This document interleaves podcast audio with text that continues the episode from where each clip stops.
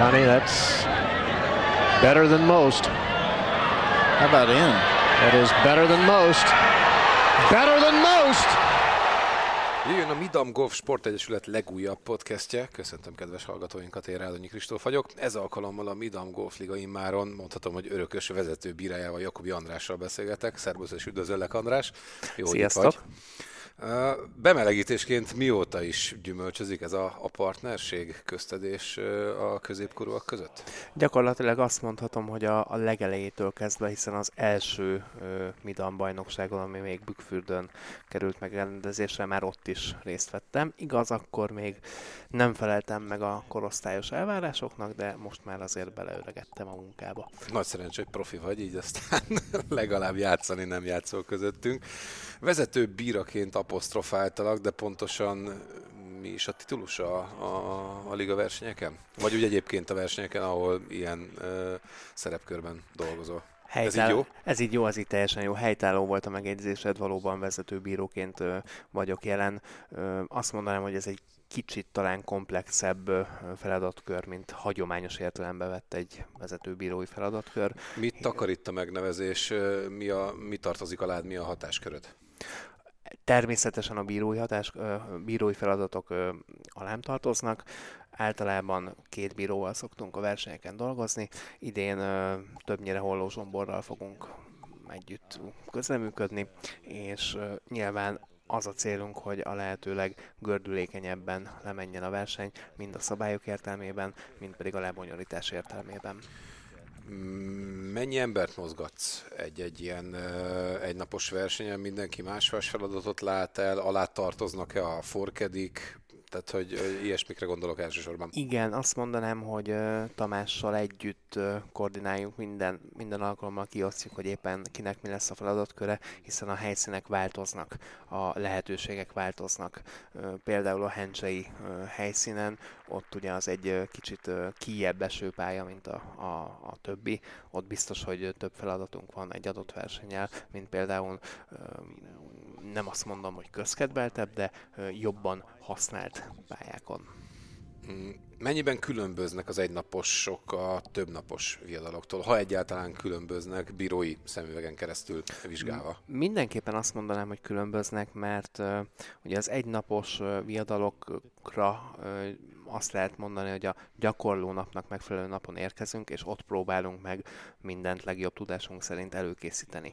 Egy többnapos, például egy bajnokságra pedig már kettő nappal előtte lent vagyunk, sőt, ott még hetekkel a verseny előtt egyeztetünk a, a, a pálya egyes részeiről a klubokkal, hogy mi az, amit esetleg még kérnénk, mi az, amit ki kéne javítani. Ez az egynapos viadaloknál ennyire ö, akkurátusan talán nem teljesül, de úgy gondolom, hogy ettől függetlenül ö, kifejezetten a midam fordulókon nagyon jó állapotban szoktak lenni a pályák.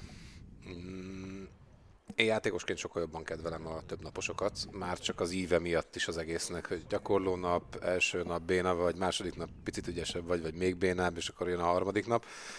Bíróként is van egy ilyen íve ezeknek Abszol- az eseményeknek? Abszolút azt mondanám az elmúlt évek tapasztalatai alapján, mindig az első nap a legnehezebb. Tehát akkor még úgy azt veszem észre, hogy úgy barátkoznak a pályával, nem halad minden olyan flottul, és általában a, a második napon, amikor már kialakul egy, egy tényleges, valós, aktuális tudássorrend, ugye az eredmények alapján kerül összeállításra a startlista, akkor sokkal folyékonyabb, sokkal könnyebb a le- lebonyolítás, és még azt mondanám, hogy a harmadik napra is a fordított indításban, mert ugye ott a, az elején pedig kettes flightok mennek, akik, akik nagyon-nagyon gyorsan tudnak ezáltal haladni, valamint a megfelelő helyekre az elmúlt két nap tapasztalatai alapján gepeket teszünk be.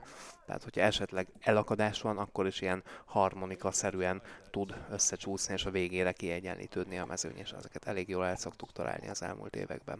Mi a legnagyobb kihívás bíróként az egynaposokon? Ha egyáltalán van ilyen általánosan megfogalmazható Az előkészület. Dolog.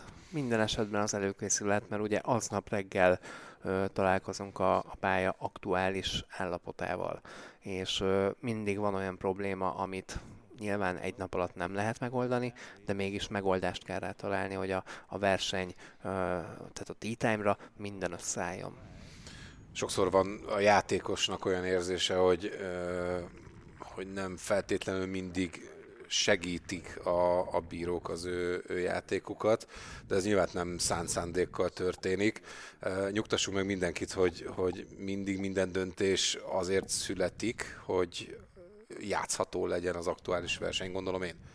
Ezt nagyon jól gondolod. Úgy érzem, hogy éppen itt az ideje, hogy levetközzük ezeket a prekoncepciókat. Tehát a bíró az sosem azért van a pályán, hogy, hogy figyelje a játékost, és hogy ú, ott van, elrontotta, oda megyek. Egyáltalán nem erről van szó. Segíteni akarunk a játékosoknak. Illetve néha dohányárut kérni. Na, ezt kivágod. még ezt, még Na, ezt kivágod. Szinte kizárt. Hencse az idei első állomása az MGL 2023-as évadának. Erre az eseményre van-e külön felkészülési metódus?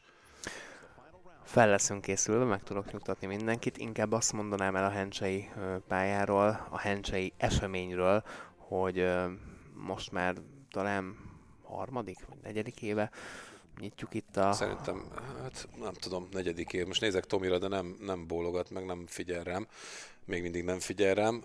Az a kérdés, Tamás, hogy Hencse hanyadik éve nyitja a szezont? Fogalma nincs róla természetesen. Nem baj, akkor mondjuk azt, hogy sokadik, sokadik éve. éve. Három-négy, ugyanezt mondtam, tehát so, so, so, sokadik éve nyitjuk a szezont Hencsével, és egy egészen egyedi varázslatos hangulata van, és az, az idei évben pedig egy ilyen félhivatalos gyakorló nap is van, és általában ha, ha lement a játékkör, azért egy, egy nagyon jó hangulatú grillezés, ilyesmi szokott lenni, úgyhogy aki még nem volt hencsém, annak csak ajánlani tudom. Idén voltál már hencsén? Idén még nem, tavaly voltam utoljára, és akkor se volt probléma a pályával legalábbis komolyabb nem. Nagyon jó viszonyt ápolunk a Greenkeeperi teammel is, tehát tudunk, tudunk kérdezni, fel tudunk készülni. Nem gondolom, hogy bármilyen probléma lenne idén is. Változik egy golfpálya évről évre? Tehát kell újítani a, az aktuális szabályokon, vagy ez, vagy ez mindig ott derül ki? Szabály szempontjából azért most már az évek alatt el vannak készítve a, a megfelelő helyi szabályok. Ugye a 2019-es változásokkal egy egységes helyi szabály mintát alkottak meg, és az egyes pontok minden pályán ugyanazt jelölik, és ehhez képest mindig egy, egy ilyen aprócskát egy picit bele kell nyúlni.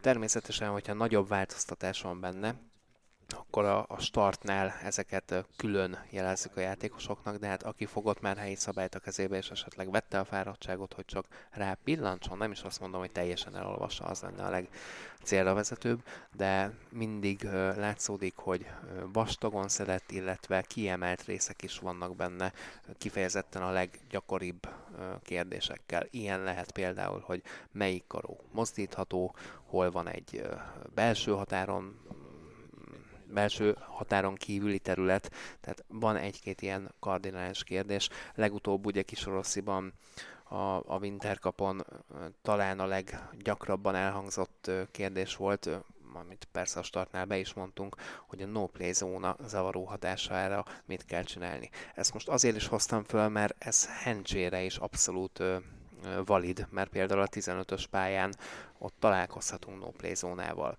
És úgy gondolom, hogy viszonylag kevesen tudják azt, hogyha a labda még az általános területen van, tehát nem ment be a no play zónába, de a megjátszásához vagy nekünk be kéne állni, vagy pedig az ütőnk keresztezne, keresztezné a no play zóna határát. Tehát nem probléma az, hogy hogy ott van no play zónán egy fa, és beleérnék, de még, még az is, hogyha semmi nincsen ott, csak a két karó összekötött határát keresztezitek, akkor egy kötelező free dropot kell igénybe venni. Ez azt jelenti, hogy a labda helyzetétől meg kell keresni azt a legközelebbi könnyítési pontot, ami nincs közelebb az ászlóhoz, és már nem áll föl az avaró tényező. Ezt én sem tudtam, köszönöm szépen. Nagyon szívesen. Az idei uh, szezonra, itt most uh, lett volna egy olyan kérdésem egyébként, hogy hencsén van-e valami speciális uh, szabály, amire fel kell hívni a, a játékosok figyelmét, vagy mindig felhívjátok a játékosok figyelmét. Ezen kívül van még ilyen? Most így hirtelen nem jut eszembe, de amikor majd lemegyünk a gyakorlónapra, átnéztük Na, a pályát, kijelöltük a, a pályát, és lecsekkoltuk véglegesen a helyi szabályokat, akkor lehet, hogy lesz még ilyen, de leginkább ezt, ezt hoznám föl. Most itt szezon elejével általában azért a raffok még elég tisztességesen le vannak vágva, vagy inkább úgy fogalmaznék, hogy nem nőttek meg annyira, hogy zavaró legyen. Meglátjuk, hogy ez a hencsei versenyen milyen lesz, de szokás szerint mindig szoktuk kérni a játékosokat, hogyha nem biztosak benne, hogy az első labda meg lesz, tehát büntető területen kívül elveszhetett, akkor tisztelettel kérjük őket, hogy egy provizórikus labdát üssenek meg. Már csak azért is, nem csak azért, hogy ne kelljen visszamenni és megkeresni, hanem a provizórikus labda ütéséből nagyon sok esetben tudunk következtetni, hogy hol lehet, milyen magasságban lehet az eredeti labda. Tehát igazából ez a fő-fő oka, amiért ezt kérni szoktuk. Ha és amennyiben bárkinek kérdése van mm, verseny közben, hogy tud veletek kontaktálni? A helyi szabályok alján rajta van a bírók, többek között az én telefonszámom is, és mindig mindenkit arra kérünk, hogy ha kérdés merül föl, akkor inkább hívjanak fel minket, mert sokkal egyszerűbb ott akár telefonon is egy gyors választ adni, mint sem az a szituáció, amikor már elkövettük a hibát és korrigálni kell.